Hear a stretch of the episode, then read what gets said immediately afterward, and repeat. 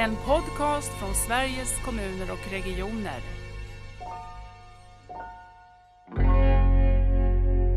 Det är ju bara den lilla delen där vi inte har kommit så långt med och som jag tänker är ännu mer nära vård så som jag gärna vill se det. Det är ju att vi också ska kunna jobba mycket mer förebyggande och preventivt och använda den data som faktiskt finns. Vad är, liksom, vad är mina friskfaktorer i, i livet till exempel och vad, vad kan jag stimuleras av? Vad, vad skulle jag behöva komplettera med för att också må så bra som möjligt?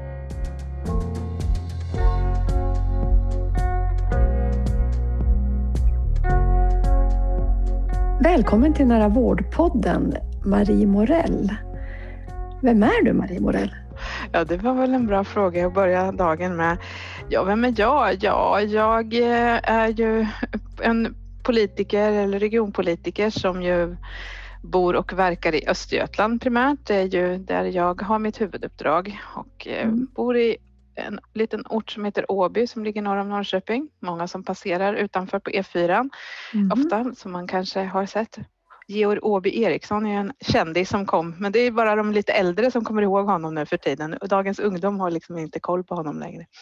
eh, men jag har ju sysslat med hälso och sjukvårdspolitik i, i jättemånga år. Jag började tidigt. Jag har faktiskt inte haft några egentliga andra uppdrag än i, i landsting och region och kom faktiskt in i fullmäktige efter valet 91 så att det börjar bli några år vid det här laget. Mm. Och jag har ju nu fått förmånen också att vara ordförande i sjukvårdsdelegationen på SKR till exempel. Bland många andra uppdrag. Ja, men säg något om de andra uppdragen. Jag vet att du har ju så otroligt många mm. olika fokus. Ja, nej men hemma i Östergötland då så är jag ju eh, vice ordförande, andre vice ordförande i regionstyrelsen och jag var ju ordförande där under åtta år under de så kallade alliansåren. Eh, men så har jag naturligtvis en del uppdrag eh, lokalt hemma, sitter i, i samverkansnämnden för sydöstra sjukvårdsregionen till exempel. Jag tycker det är mm. jätteviktigt och vi har ju ett väldigt nära och bra samarbete med våra kollegor i Jönköping och Kalmar så det, och där har jag funnits med många år också. Men på det mer nationella planet så har jag ju till exempel förmånen att sitta i NERAs styrelse som ju jobbar med mycket med digitalisering och e-hälsa. Och det är ju frågor som jag också tyckt varit spännande. Och mm. i och med sjukvårdsdelegationen så har jag också nu kommit in i samverkansgruppen eller styrgruppen för Vision e-hälsa 2025 och så har jag också fått förmånen att sitta med i regeringens samverkansgrupp för life science-frågor och hälsa som Jenny Norborg leder.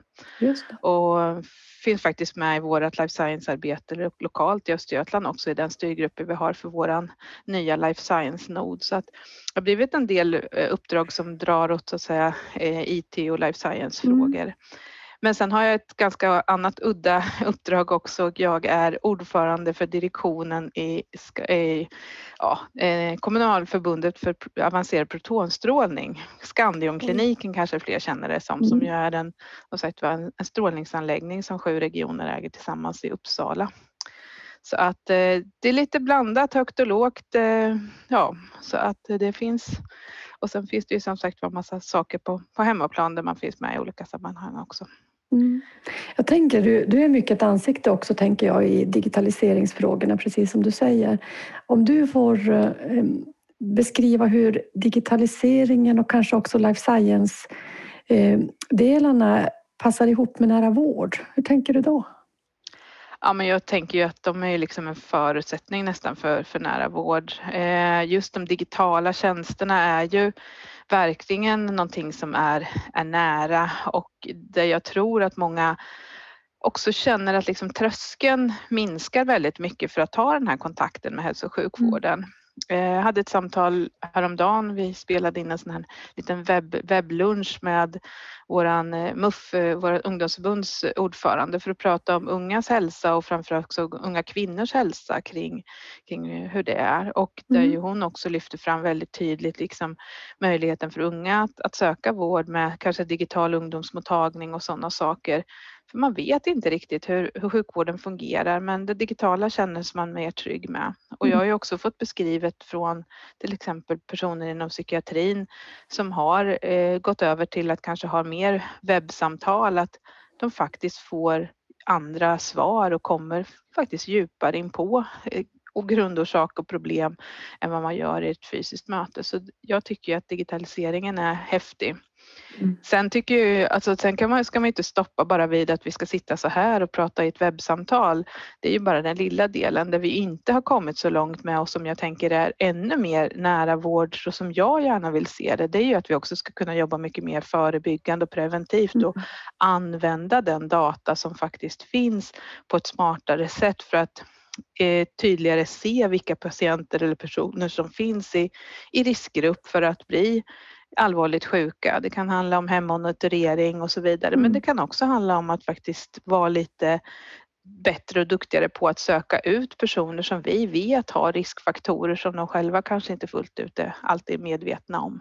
Mm. Så det finns massor att göra här och forskning naturligtvis, att vi, att vi är med i kliniska studier och att vi jobbar med de sakerna, mm. utvecklar de här produkterna. Mm. Jag hade förmånen i veckan att prata just digitalisering och nära vård på vårdarenan och då hade jag med mig en verksamhetschef eh, från eh, Värmland som jobbar på första linjen och de har ju precis gjort frågat unga, precis som du säger, mm. hur vill du helst ha kontakt? Och då visar sig just vid psykisk eh, ohälsa att just att ringa och beskriva hur man mår, att få börja beskriva själv mm. i någon typ av eh, webbtjänst eller de använder mycket emojis. Att kunna sätta mm, lite mm. bilder på sina mm. känslor är ett sätt att minska tröskeln till att sen söka kontakt. Och då tänker jag att allt det där kan ju också bli redskap för egenvård framåt.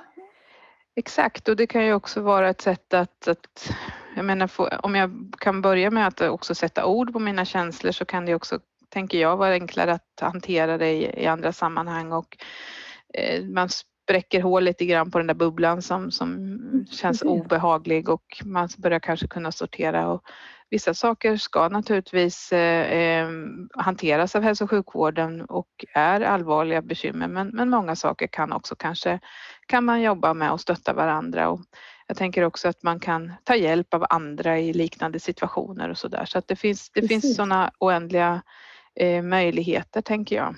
Mm. Så att, eh, nej, det är Nej, jag, jag tänker att vi har inte alls utnyttjat digitaliseringens potential som det så fint brukar heta ibland. Mm.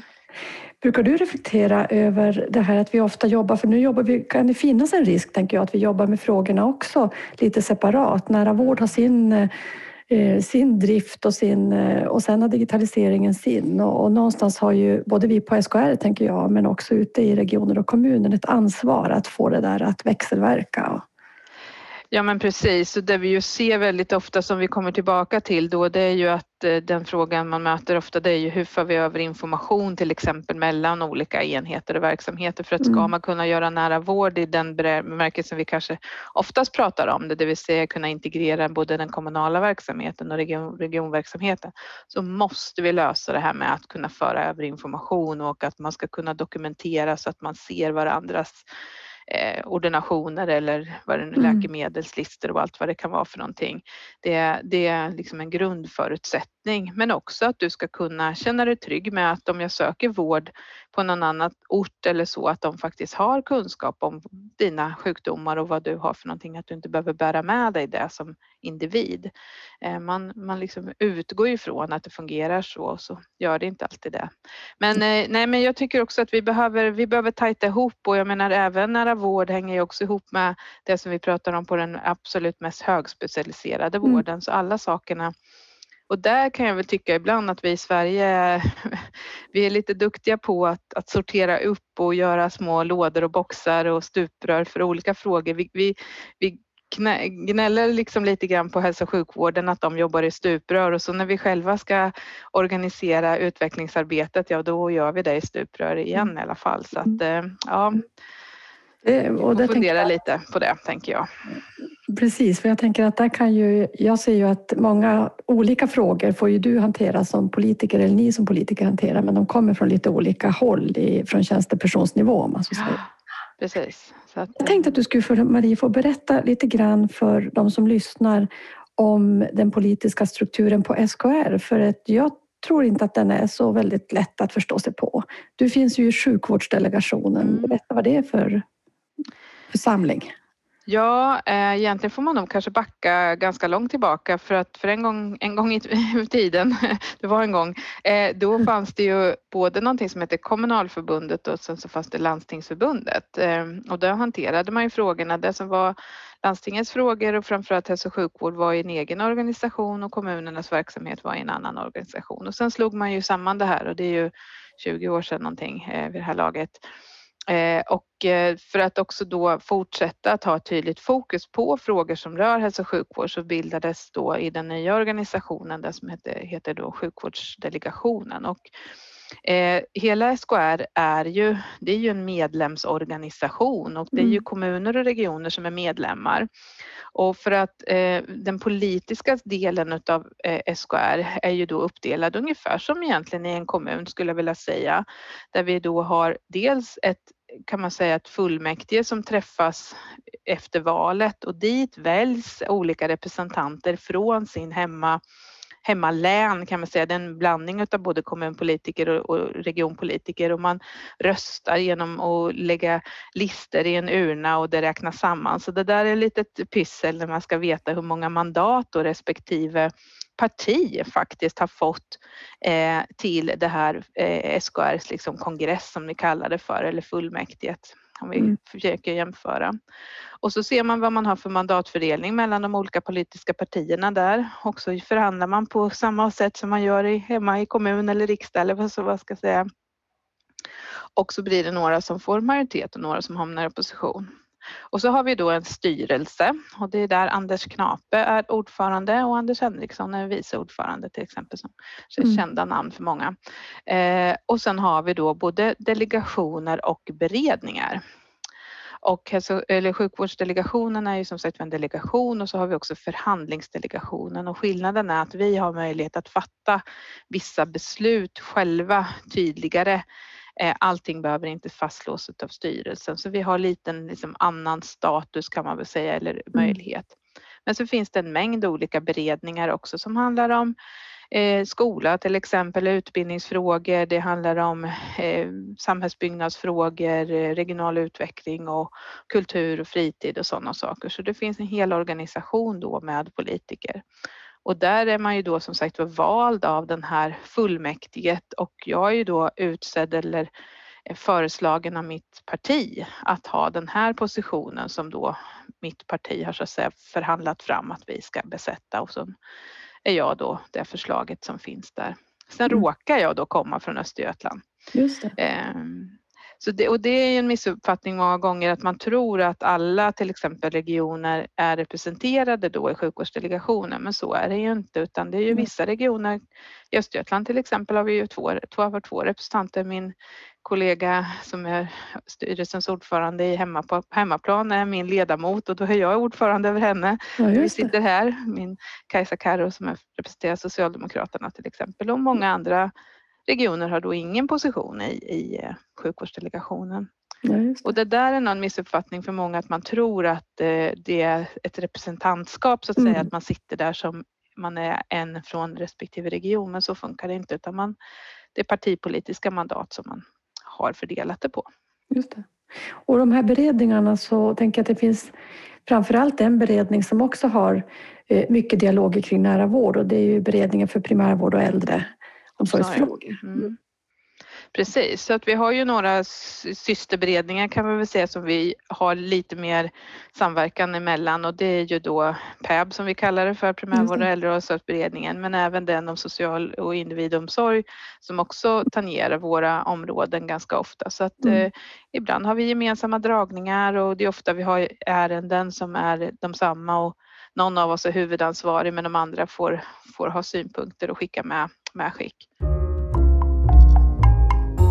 Jag tänker, du berättar ju att du eh, egentligen har, har levt ditt yrkesliv som politiker kan man väl säga mycket. Varför det? Vad är det som är roligt?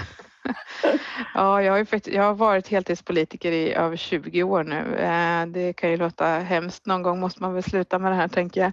Nej, men alltså jag måste ju säga att jag tycker det är kul fortfarande och eh, jag tänker att så länge jag känner att jag kan bidra och eh, människor också, andra, det är ju ett förtroendeuppdrag så man ska ju vara ödmjuk Mm. över det. Det handlar inte bara om vad jag vill utan det handlar ju om vad mina väljare och min, mitt parti vill, vad jag ska bidra med.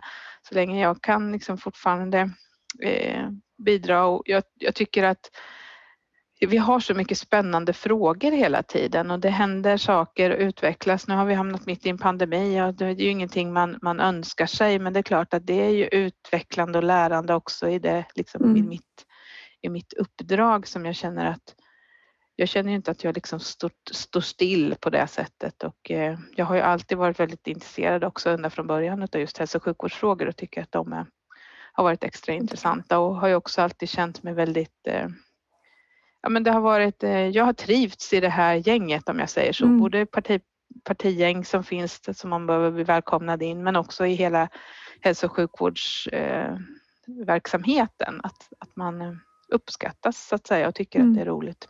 Mm. Så viktiga frågor. Det är ju Mm, inte svårt att gå igång på dem, att få Ja. vara med och Det finns välfärd på det alltid sättet. något att engagera sig i och jag tycker också att det jag tycker är viktigt är ju också att man kan få den här Alltså det får man säkert i, i andra verksamheter också. Jag började min karriär som eh, i, i fritidsnämnden i Norrköping för många herrans år sedan. Det är klart att det var inte eh, jag, jag, kände nog att när jag kom in i, i landstinget sen då att jag fick möjlighet att vara mycket mer nära. Mitt första uppdrag, nu visar det hur länge sedan det var, det var när vi fortfarande hade omsorgsfrågorna i landstinget. Eh, Det var innan omsorgsädel så jag satt i det som heter sociala nämnden och eh, jag var ju drygt 20 där och blev kontaktpolitiker då för ett antal sådana här boenden med personer med funktionsnedsättningar och så och fick åka ut, träffa dem, lyssna på deras berättelser. Vad fungerade, vad fungerade inte bra? Och jag hade ett, liksom ett ansvar att sedan återkoppla det in i, i våran styrelse för att se vad vi kunde göra bättre för att deras vardag och liv skulle bli bättre. Och Mm. det där har ju liksom, det bär jag fortfarande med, mig och jag liksom kan fortfarande både känna och se många av de mötena jag hade med de personerna som fanns på de boendena som jag ansvarade för. Jag hade ett för vuxna hjärnskadade till exempel Mm. med eh, personer som hade haft ett helt friskt liv och sen nu råkat ut för någon händelse och inte kanske kunde verka i det fullt ut längre. Det är Nej. sånt där som sitter kvar. Sen har jag jobbat ganska mycket med psykiatrifrågor, gjorde också tidigt i min... Så att jag har fått de här liksom, mötena väldigt nära. Det, så där känner jag nog. Det är det som liksom ligger, ligger längst in när man tänker på de här frågorna. Det är som också blir drivkraft förstår jag. Ja, precis. Men vad betyder det här att du har både din vardag lite mer nära i Östergötland och det som är det nationella? Hur kan du använda de olika perspektiven tycker du i dina roller? Är det svårt? Jag tycker att det är, på tal om nära vård, då höll jag på att säga, så tycker jag ju att det är viktigt att vi som politiker också är liksom nära i vardagen och det måste jag säga att jag har ju en enormt stor nytta av att, att liksom ha båda de här världarna som jag ser det. För jag kan ju verkligen ofta relatera och för mig blir det ju oftast enklare att liksom kunna koppla ner det till en östgötsk kontext och tänka, men vi i Östergötland har gjort så här. Det Mm. kanske man kan tänka, så då blir det oftast enklare. Jag känner ju väldigt många tjänstemän och, och eh, andra företrädare i organisation så det blir också väldigt ofta lätt för mig att kunna fråga efter information eller fakta eller sådär. Ehm, och de är ju väldigt ofta behjälpliga om jag säger att jag skulle behöva veta det här för att eh, den här frågan är uppe på nationell nivå. Har du någonting du kan, kan stötta mig med? Så det är ju det är inte så att de säger nej, det vill jag inte. Mm. Men eh, eh, så det tycker jag är jätteviktigt med just de här lokala exemplen och också hur man mer för det tycker jag, alltså jag är kanske lite här pragmatisk politiker att jag vill ju också se att det funkar i verkligheten. Mm. Går de idéer och de förslag och eh, tankar som vi har som politiker, kanske på lite övergripande, ibland fluffig nivå, går de att omsätta i praktiken? Kommer det här att funka i vardagen? För annars så tycker jag det känns ganska orealistiskt att föra fram. Och just inom nära vård så har, får vi ofta väldigt mycket den typen av frågor. Mm. Ja, men hur är det tänkt på riktigt? Vad är det Mm. som ska hända? Men vad då? Vad ska vi göra? Mm. Och då Vad, vad svarar det- du då? Ja, men då, då tänker jag att man får ta liksom sådana här exempel på, ja men så här har man gjort på det här stället och det kan ju vara ett sätt att tänka. Ja. Finspång är ju ett sådant exempel som jag har tagit upp och det vet jag att du också har tittat lite närmare på. Nu råkar jag ju komma från Finspång så det ligger ju lite extra, ännu extra varmt om hjärtat för min del naturligtvis. Men eh, de har jobbat väldigt spännande under lång tid med det som faktiskt är nära vård som jag tänker på riktigt. Men berätta. Så, ja. för de som inte har Leder in samtalet här på... Ja. Nej men eh, Finspång är ju en eh, ganska typiskt. De är 20 000 ish, siktar ju naturligtvis högre, men säg i den om, omfattningen på in, mm. antalet invånare. Så det är en ganska normal eh, kommunstorlek i, i svensk kontext.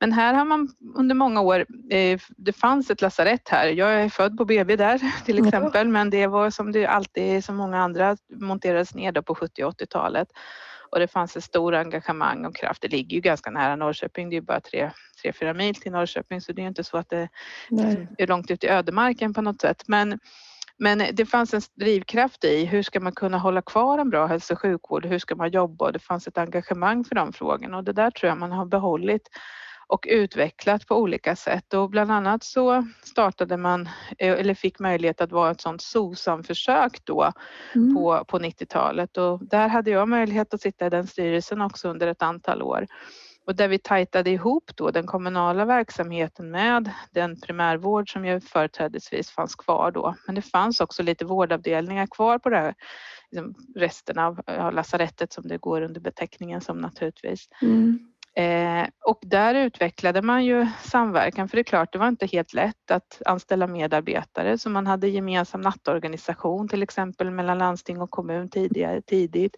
Man utvecklade, Östergötland har ju ganska mycket lasarettsansluten eller avancerad hemsjukvård och det har man också haft här på den verksamheten och egentligen så var det väl de som är verksamhetschefer, Rolf och Magnus, eh, som på många, mångt och mycket myntade det här begreppet nära vård faktiskt som mm. skapade ett koncept kring hur de som läkare också deltog väldigt mycket mer aktivt i den kommunala verksamheten. Så, och nu har vi precis i december här så invigdes den nya eh, vårdcentrum som man kallar det för då eh, med Ja, det gamla huset var utkänt. Det var palliativ fastighetsvård förklarade vårt fastighetsfolk oss, för oss och då förstod vi att då var klockan slagen. Ja. Eh, eh, men eh, vad heter det, nej men vi som sagt och där har man eh, exempelvis en hel vårdavdelning där halva avdelningen är kommunens korttidsboendeplatser och den andra halvan drivs av regionen. Men man kan jobba tillsammans och patienten finns liksom på samlat ställe och man har en massa andra samverkansarbeten tillsammans. På det här vårdcentrumet så har man ett antal eh, mottagningsrum som andra specialistläkare från då, till exempel Vrinnersjukhuset i Norrköping kan boka eh, timvis för att komma och ta mm. mottagning med sin hjärtpatienter eller vad det kan vara. Boka in mm. en dag i då Finspång och komma ut och, och vara där och ta dem i mottagning och så där. Man har försökt att tänka hur kan vi möta patienten eh, Finspångsbon liksom i, i, i den nära kontexten. Vad behöver de och hur kan vi då också skapa de förutsättningarna runt det? Och det tycker mm. jag är lite, lite speciellt att man liksom tänker hela vägen. Ja, men om det ska vara en, en specialistläkare, vi kan inte förutsätta att de ska finnas här fem dagar i veckan, men de kanske finnas mm. en dag i veckan. Och vad behöver de då? Jo, men de behöver ett mottagningsrum, de behöver lite supporthjälp och lite reception och allt. Ja, men då bistår vi med det så fixar vi det. Mm. Så det är liksom nytänkande som har präglat hela tiden. Mm, ja, det är ett fantastiskt exempel. Jag hoppas att de ska kunna vara med i någon podd framåt också ja. så vi får lyssna lite närmare. Eh, det som slår mig när du berättar det är ju den här dialogen med de som bor i Finspång. För det har jag tyckt eh, och hört många politiker säga att det kan vara svårt också eh, att möta invånarna som ofta kanske tänker att den trygga vården det är, det är antal sjukhus vi har eller hur nära sjukhuset ligger precis där jag bor och den här växlingen att eh, invånarna ska känna sig trygga så man som politiker också kan ta de här stegen som behöver tas. Har du några tankar och erfarenheter av det? Tänker på men kanske annat? Ja, jo absolut. Nej, men eh, nu finns Finspång ett sådant exempel men, men vi hade ju en ganska infekterad och det kanske var en av anledningarna till varför jag fick möjligheten att vara styrelsens ordförande sen. Eh, men vi hade ju en sån infekterad debatt i början på 2000-talet i Östergötland där man skulle minska ner möjligheten till akutmottagning i Norrköping till exempel och den oro och man, vi tog bort förlossningen till exempel i mm. Motala mm. och så. Det var ju ganska mycket sådana förändringar i början på 2000-talet mm. och, och den ilska och den oro som sprider sig. Men där känner jag att när man har gjort en del av de här förändringarna och kunnat förklara det det, det, är ju både och. Ibland behöver man ju lägga samman verksamheter och göra dem på ett mer centraliserat ställe eller så vidare. Kan man vara tydlig med gentemot medborgarna att det här gör vi för att vi kommer att öka din kvalitet. Du mm. kommer ha en mycket högre patientsäkerhet. Jag kan ta Finspång igen som ett exempel för där hade det som sagt varit stora protester över saker och ting men sen skulle vi ändra flödet för, nu är det här många år sedan vid det här mm. laget, men hjärtsjukvård och strokevård till exempel, för det kom ju mm. nya nationella riktlinjer då. Eh, och då skulle man inte åka in till lasarettet som alla sa, och, eh, utan gå raka vägen till, till Norrköping i det här fallet.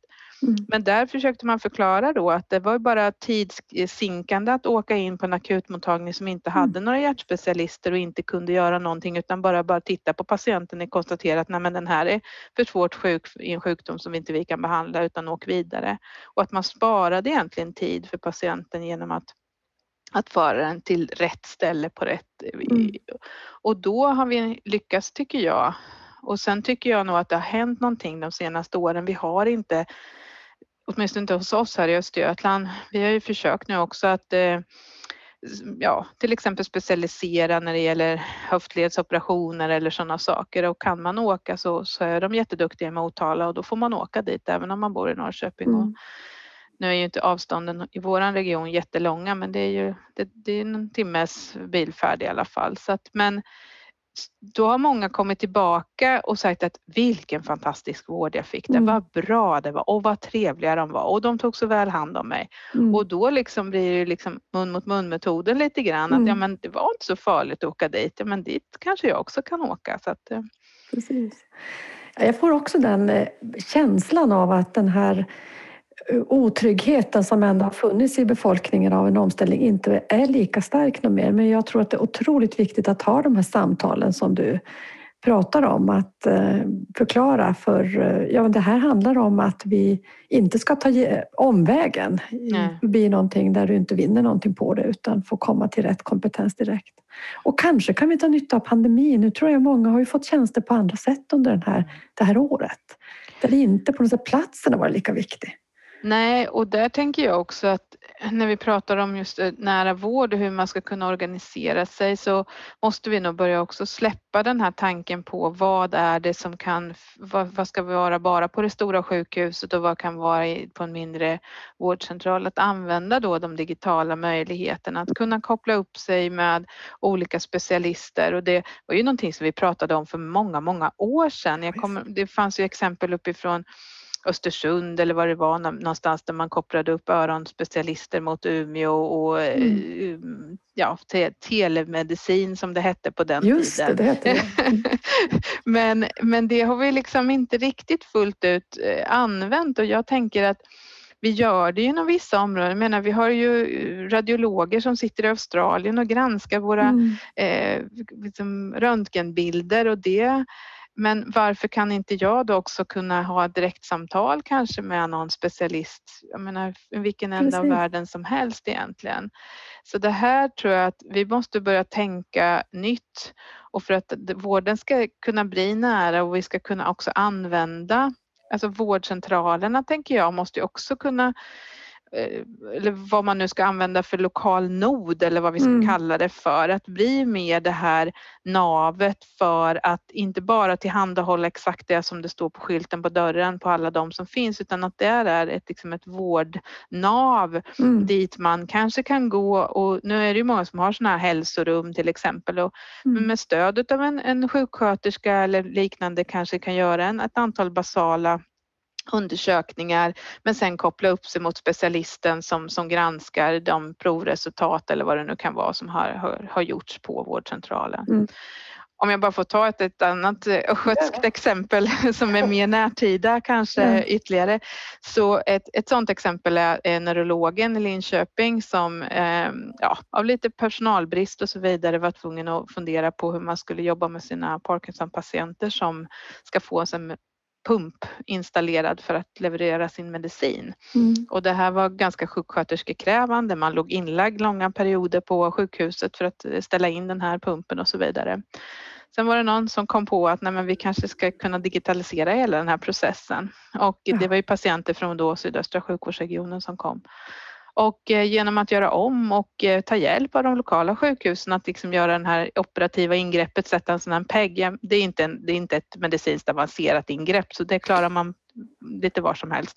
Mm. Eh, men sen så med, med hjälp av webbsamtal och, och, så vidare så har patienterna istället kunnat få vara hemma ja. och digitalt följas av läkare och personal från den kliniken då och man har alltså minskat ifrån ungefär någonstans mellan 10-14 vårddygn till i princip noll vårddygn. Mm.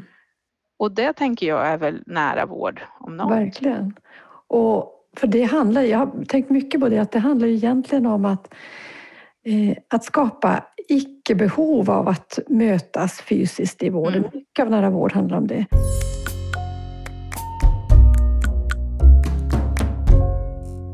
Och då funderar jag på hur du tänker kring eh, styrning och ledning och, och, uppföljning. För det har blivit mycket mm. tydligare för mig det här året tycker jag hur viktigt det är att de här delarna också hänger med. Så vi inte mm. tänker att det är på något sätt på vårdgolvet som eller uppe på golvet som Mikael, min kollega brukar säga, eh, som det ska ske. Utan det måste också ske på alla delar i systemet. Vi måste också följa, om vi fortsätter följa mm. konsumtionen på vårdcentralen eller så, så missar vi ju på något sätt den här förändringen. Hur ska vi jobba med det?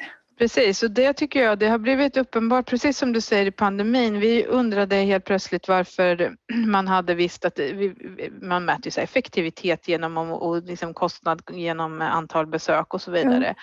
Och bara, nej, men vi registrerar inte telefonsamtal eller webbsamtal som besök.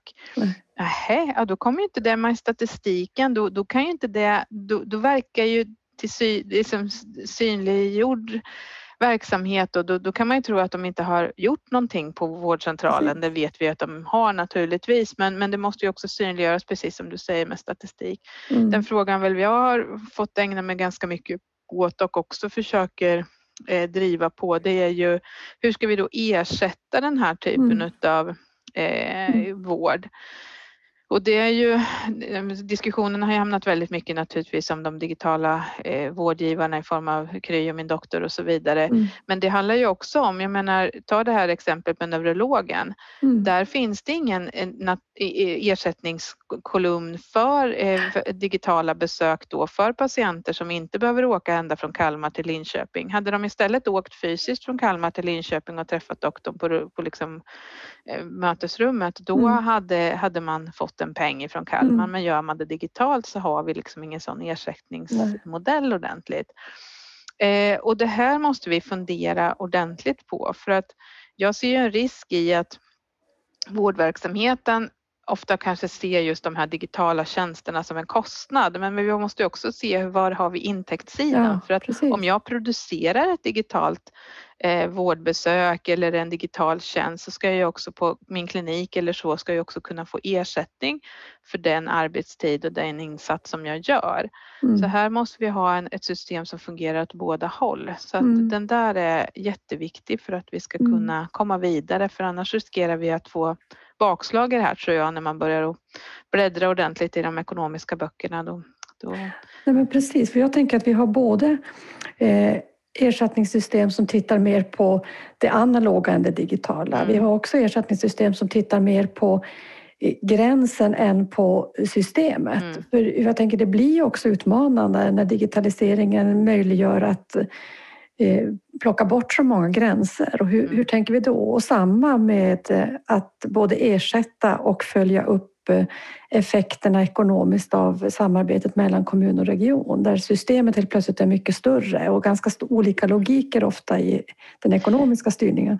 Ja, och det är ju likadant, alltså väldigt mycket av den digitala vården och det som jag också tycker, som vi började med, liksom det nära vården utifrån att kanske förhindra att det en, uppstår en vårdepisod. Alltså det mest nära vården måste ju ändå vara att jag känner att jag kan få hjälp med mina symptom eller ska säga så snabbt som möjligt så att det inte hinner att utveckla sig så allvarligt med min diabetes eller KOL eller vad det kan vara. Eller att jag kan hindra den där begynnande cancern i, i ett så tidigt skede som möjligt så att den inte blir avancerad och jag behöver ha uh, svår liksom, medicinering för den. Mm. Eh, så att det finns ju så många sätt och hur gör vi också premiera vissa säga, det, det preventiva mm. i det här arbetet eh, att, att patienten inte kommer. Jag kommer ihåg något samtal med någon psykiatriker för många herrans år sedan som eh, privat verksamhet som var så upprörd och irriterad över att han fick ersättning just utifrån antalet besök. Han sa det var väl det mest dumma. Jag ska ju inte ha några besök. Det, det är då min verksamhet har lyckats. Det är inte, det är inte några patienter och, jag, och förskrivning av läkemedel fick han också ersättning för. Jag ska ju inte förskriva några läkemedel. Misslyckande för mig. Varför ska jag ha betalt för det som inte är... Alltså, ja, och man får försöka fundera ett steg till. Vad är det vi verkligen vill uppnå? Vi har ju pratat om det här med värdebaserad vård och så vidare, men det är lite, det är lite svårhanterat. Men, ja. men här behöver vi verkligen fundera på hur får vi till de här systemen som gör att vi, vi verkligen driver eh, vårdens utveckling ytterligare åt det här hållet. Mm. Nej, det ser jag nog som ett av de stora fälten om man tänker vilket stöd SKR också ska kunna ge till mm. medlemmar och då måste vi också involvera de här stödfunktionerna som jobbar med det här på hemmaplan i regioner och kommuner. Ekonomer, controllers och så och tillsammans fundera på vad är det för mm. saker vi behöver skruva i och hur slår det och kanske ha lite eh, labb, labbverksamhet och mm. testa lite. Eh, så. Eh, jag tänker mycket, för mig är du också, precis det du var inne på nu, du är också en eh, politiker som pratar väldigt mycket om det förebyggande och lägger mycket tyngd på det. Eh, och jag får ibland frågan så här, hur ska vi kunna i en verksamhet som är så, det akuta måste alltid gå före och så är det ju. Hur får vi till det där? Jag hade en gång en barnläkare som sa till mig att vet, jag tror att vi kommer aldrig få till det om vi inte som särskiljer den här den här delen av vården till någonting eget för den kommer alltid att eh, komma i andra hand. Eh, och det vet jag inte om, jag, eh, om det behöver vara så men det är klart att det är en utmaning att tänka hur får vi verkligen till det, det förebyggande och det främjande arbetet. Ja, nej, jag, jag har också funderat på det naturligtvis men, men också tänker att jag liksom lite grann inspireras som sagt utav, utav digitaliseringen och när man tittar på en del andra system, till exempel de amerikanska systemen, så har man ju mer, även om nu kanske inte man i första hand tänker förebyggande vård, när man tänker amerikansk hälso och sjukvård, det är inte det som poppar upp i huvudet det första det gör. Eh, men, eh, eh, nej, men där har man ju jobbat ganska mycket mer genom att man har andra typer av system som bygger ihop också genom sina försäkringssystem så har de ju också en del av socialförsäkringen i sina system. Mm. Eh, där, man, där man också krast får jag väl säga se liksom vinsten i att en individ kanske då inte är sjukskriven så länge eller att man också minskar, eh, ja men för att ta det enkla, liksom diabetes då. För att jag mm. menar genom att förändra kost eller levnadsvanor så kanske man kan förhindra att du behöver börja med, med insulin och så. Mm. Och, och, att man mer ser till de incitament som uppstår och där har vi varit kanske lite, lite dåliga och det finns en räddhågsenhet eller vad jag ska kalla det för i svensk kontext också. Jag känner med, man får lite så här, uh, törs, törs man prata om det här? Ja. Eh, utifrån att Många känner sig ofta liksom lite påhoppade och att ja, men ja, du ska du kritisera min levnadsstil eller mina levnadsvanor. Mm. Men, och vi får ju heller kanske, det är lite känsligt ibland att prata om det här med socioekonomiskt utsatta grupper och så. Men, mm. men vågar vi inte prata om de här frågorna så kommer ju de här individerna och personerna att, att fortsatt ha en sämre förutsättningar för att ha en bra hälsa, tänker mm. jag. Så det är ju, det är ju att värna den grupp och de individerna så mycket som möjligt att också identifiera att, att eh, olika, det finns ett antal olika riskfaktorer som vi faktiskt behöver bära med oss och fundera på extra hur kan vi ta hand om dem. Mm. Eh, I USA, nu är det ganska många år sedan, men som jag var där och besökte något av de sjukvårdssystemen och där hade man just på diabetes då gjorde man en genomgång av de som fanns i deras försäkringssystem. Men det brukar ju vara, det är många miljoner människor ofta som det var väl 10 miljoner i det här fallet. Ja. Och, och, så hade man då ett antal riskfaktorer, ensamhet, låg utbildning och så vidare. Mm. Eh, och då gjorde man speciella preventiv, liksom prevention. Man gjorde matlagningskurs, man gjorde ut och gå-kurs och så, eller grupp eller vad som helst som var riktade specifikt till de som verkligen behövde det. Eh, för att också då kunna få de resultaten. Mm. Ehm, ett annat, eh, också i USA, eh, häftigt cancersjukhus som vi var på nu, också ganska många år sedan, men där hade de ju speciella matlagningskurser till exempel. De hade liksom sådana saker för att få patienten att, att äta så näringsriktig och bra kost som möjligt under sin behandlingsperiod. För det vet vi ju att det, det kan vara svårt många gånger att äta. Eh, ena sekunden så äter du kortison och vill du äta hela mm. dygnet och sen så är du i, i cellgiftsbehandling och då vill du inte äta någonting. Så det här det, det, är jätte, väldigt komplext så att det här behöver man stöd och där hade man också använt liksom patientgruppen och personalens mm. mm. kunskap för att supporta. Liksom. Mm. Ja, jag tänker det kanske är, eller kanske det är väldigt viktigt att vi tänker nu när vi har digitaliserings på något sätt fönstret så öppet att tänka hur använder vi det här också för att stärka vårt eh, förebyggande arbete.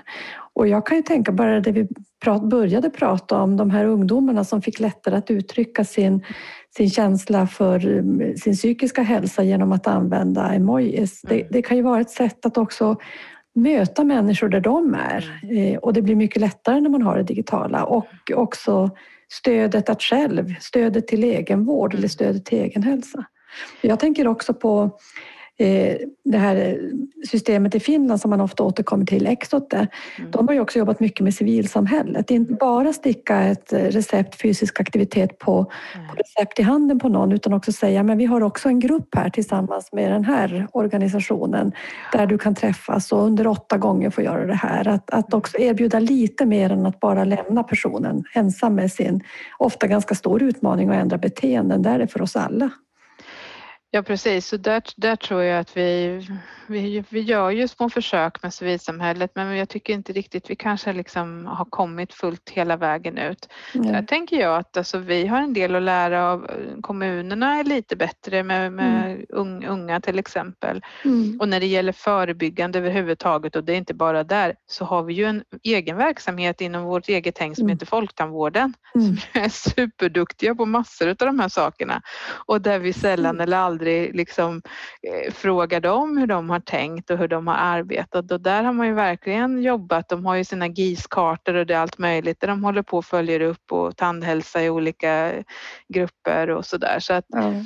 Eh, vi är lite sådär, vi går inte, ja vi går knappt inte, vi behöver ju inte ens gå över ån för att hämta vatten kan jag säga. Utan vi, vi eh, ibland när man varit ute i många mindre orter så, så är ju ofta folktandvården och vårdcentralen liksom i samma fastighet men det, det är en tjock vägg däremellan kan jag säga mm. och när man frågar dem, ja hur mycket samarbetar du då med de här grannarna du har vid, på andra sidan väggen här? Nej, vadå, vem är det ungefär? Ja, det är folktandvården.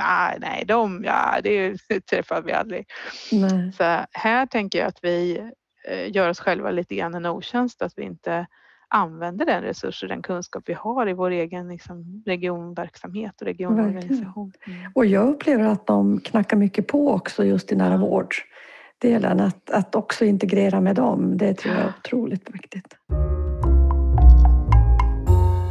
Du, innan vi eh, ska komma till de allra sista frågorna om vad som är nära för dig så ska jag säga att för eh, ungefär ett halvår tror jag det är nu, tiden går ju fort, så ordnar vi ett webbinarium på SKR för att prata lite mer om, om patientkontrakt och sammanhållen planering på 1177 och du mm. deltog där och du skickade med en tanke som inspirerade mig och jag har fortsatt att vara i den där tanken. För du sa att tänk om den här sammanhållna planeringen på 1177 blir eh, en, mycket, alltså en, en framtida bas för eh, individens möte på något sätt med, mm. med vården. Och, Eh, kommer du ihåg det? Oj, man är på många webbinarier men jag, jag kommer ihåg att vi har pratat om patientkontrakt och 1177. Det kommer ja. jag absolut ihåg. Mm. Mm. Ja, ja, vad kan jag ha menat för någonting? Det var en bra fråga. Nej, men det är nog lite grann tillbaka till det jag har berört här. Att alltså, hur kan vi också, kan man se liksom, för, för det jag eh, tänker är att det finns ganska många initiativ nu som går i riktningen patientkontrakt och som inte fullt ut alla delar jacka i varandra. Många tänker lite samma tanke men, men återigen det är de här stuprören och små boxarna mm. som man har stoppat in saker i. Eh, och där behöver vi för det första samordna det här så att vi inte bygger parallella strukturer och parallella system med varandra.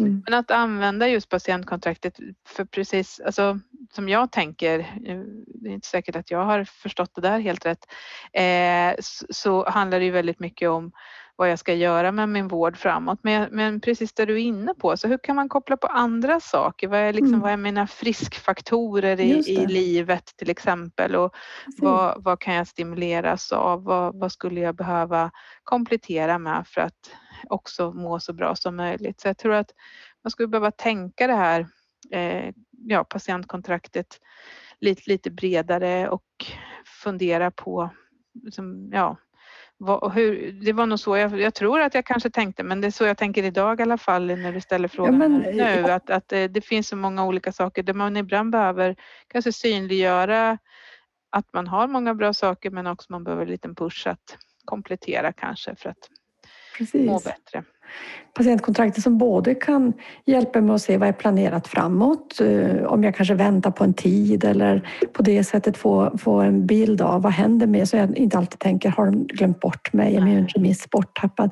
Men också det du säger att, att det här kan jag göra själv under tiden jag väntar eller det här ska jag göra själv för att kunna och här kan jag hitta information om jag behöver hjälp att sluta röka eller vad det kan mm. handla om.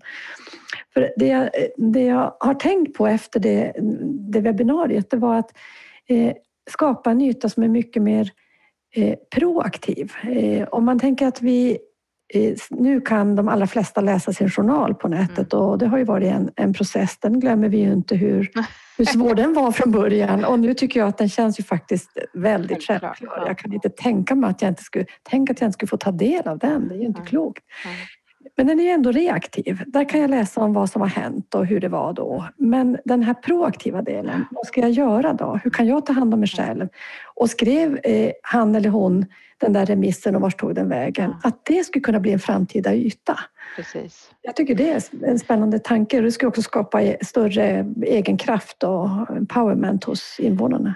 Ja, och jag tror ju, alltså, jag tycker ju att man ser att människor är ju intresserade. Jag menar man, man eh, har sina olika klockor och grejer och följer ja, sin hälsa. Men också nu kanske det här, alltså, samtidigt är det ju det är en uppdelning här också ska man komma ihåg och en del som jag också gör till och med genanalyser för att se vad har jag för för risker framåt med, med, med, min sjuklighet och min hälsa. Och det är väl viktigt att, att och det är ju vissa som gör det här och, och många som, som drivs av att, eh, att liksom göra ännu mer. Men hur får vi också, fångar vi in alla de som då inte riktigt har, har kommit dit eh, och, och inte riktigt känner att man kanske vare sig har råd eller möjlighet eller jag tror också att ibland, alltså vi måste boosta människor och känna att ja, men du är värd att ha en bra hälsa. Mm. Det är liksom det, ja, det, är inte, det är inte för mig, det är inte menat för mig. Alltså den, den känslan, säger jag då som är som sagt uppvuxen i en sån här bruksort eh, eh, där, där det finns en sån kanske mentalitet ibland över att nej men det där är för någon annan, det är inte, det är inte tänkt för min, mitt liv. Mm. Och det där tänker jag att hur kan vi liksom stimulera det? Eh, jag tror det var Brown University, ligger väl i Boston, va? de eh, gjorde ett, ett, ett, projekt här eh, för något par år sedan. Eh, alla som hade sådana ut, utgångna där de hade tröttnat på sina Fitbits och eller allt vad klockor och vad det heter för någonting och skulle upp, uppgradera sig till den nyare modernare varianten fick skänka mm. sina avlagda träningsarmband och så vidare som ju ändå var funktionella och så vidare till, till Brown och sen så hade de ett specifikt eh, arbete just med, jag tror det var diabetespatienter där som kanske inte hade möjlighet att skaffa de här själva och sen så gjorde man eh, försök då för att få dem att få en mer aktivt liv och eh, så, så var det liksom recycling-tanke i alltihopa också samtidigt som mm. man då stöttade det preventiva arbetet. Så att eh, det finns ju idéer som vi också skulle kunna jobba mycket mer med ur ett svenskt perspektiv, tänker jag. Verkligen. Den tar vi med oss och funderar på hur vi skulle kunna göra något av. Eh, vi ska börja avrunda, Marie. Jättespännande samtal. Är det något du tänker att det här vill jag berätta? Du ska få din sista fråga om vad som är nära, men något annat som du känner att vi inte har pratat om? Åh, nej men vi har ju pratat väldigt mycket. Som sagt nej men ja, eh, nu kommer vi till den. Nej, vi, jag får väl utveckla det om jag kommer på någonting när du när, sista nära. Nej, men som sagt, jag tycker att, att nära vård för mig är ju lite, alltså att, att det gäller att inte bara tänka att flytta saker och ting från det stora huset till det lilla huset, eh, liksom så, utan att det mm. måste hända någonting annat också.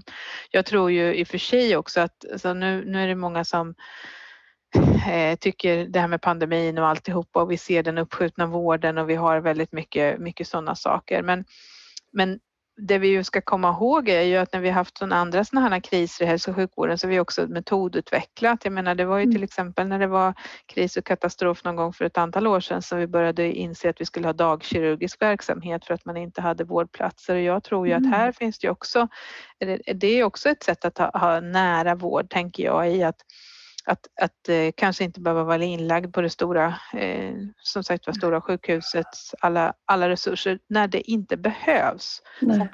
det här innebär ju inte att man ska ta bort utan vi behöver ju bli duktigare på att eh, kanske utveckla ännu mer så att ännu fler patienter kan få en ännu mer avancerad vård naturligtvis. Men Östergötland återigen, får passa på här, eh, mm. där har vi till exempel lyckats att ha bröstcanceroperationer görs, jag tror det är till 98 procent i dagkirurgi i Östergötland. Jag tror vi är bäst i världen Nej. faktiskt med störst andel och det har att göra med att man gjorde ett utvecklingsprojekt på en, en mindre enhet som var lite mer fristående och utvecklade hela processerna och sen har det här spridit sig. Så det finns ju möjligheter och det är väl också nära att jag mm. som individ mm. inte behöver vara inlagd och så utan kan göra det här ingreppet och kunna gå hem samma dag. Mm. Eh, så. så att eh, det finns, jag tror att vi måste nu kunna använda den kraft som, även om många är, har jobbat hårt och slitit hårt, men liksom den förändringskraft som ändå pandemin har inneburit. Mm. Hur tar vi tillvara den och mm. jobba på ett annat sätt? Mm. Och jag tänker också att berätta de här berättelserna som du har gjort nu under det här programmet, därför att det ger ju det ger ju på något sätt verklighet och det ger kött och blod till den här förändringen och det ger också hopp att det går. Det är inte någonting som bara är ord och eh, powerpointbilder utan det är någonting som görs också. Nej, men det, det kanske jag själv vet, men, men alla fungerar vi olika. Men jag inspireras mycket och tänker, vill gärna ha liksom bilder eller så. Jag, och både, både fysiska och mentala, eller vad jag ska kalla mm. bilder för att kunna liksom se mer handgripligen. Ja, men vad innebär det här då? Vad är det för någonting vi pratar vi om? Och mm. Ofta tycker jag att just den här typen av olika exempel och därför har det varit lite tråkigt nu när man inte kunnat komma ut på besök i verksamhet och sånt på så bra sätt. Nej. Det är någonting som jag tycker som politiker är väldigt liksom, inspirerande och stimulerande. Både att, att besöka vårdverksamhet hemma men också precis som alltså, åka till andra länder också se liksom, saker och ting i lite grann en annan kontext. Mm. Eh, tycker det har inspirerat mig väldigt mycket i, mm. i mitt liksom, politiska arbete. Mm. Ja, verkligen. Viktigt. Marie, eh, då vill jag sluta vårt samtal med att fråga dig vad, vad är nära för dig? Ja, men nära för mig är nog egentligen kanske inte så mycket tid och rum utan det handlar också om bemötandet ifrån eh, vårdmedarbetare. Att, att känna att mötet är nära. Att, eh, att man finns, liksom i, i, finns i samtalet och finns i rummet och eh, har förståelse för den situation som är och eh, så att jag tänker att det nära, det kan vi ha i alla delar av hälso och sjukvården. Inte, det behöver inte alltid bara innebära geografin och Mm. tid naturligtvis, utan det handlar också om vilket, hur, vi, hur vi samtalar med varandra och eh, hur vi också anpassar vården för att eh, den ska kännas liksom, ja, personcentrerad. Det är ett väldigt också klyschigt ord, men eh, för mig så så i de sammanhang jag själv och familjen har, har behövt vård så, så tycker jag Alltså det, vi kan ha varit långt ifrån vårt eget hem men Mm. ändå känt att det här har varit en nära vård. Mm. Tack så mycket för att du ville vara med i Nära vårdpodden, Marie Morell. Tack själv. Tack så mycket för att jag fick vara med. Ja, men vad kul. Och jag ska bara säga att min, mitt barnbarn längtar efter en sak och det är att få åka till Kolmården. Så då ska jag tänka på dig när jag kör Ja, förbi dig när jag bor inte så långt ifrån Kolmårdens djurpark. Ja. Tack så mycket. Tack själv. Hej. Hej.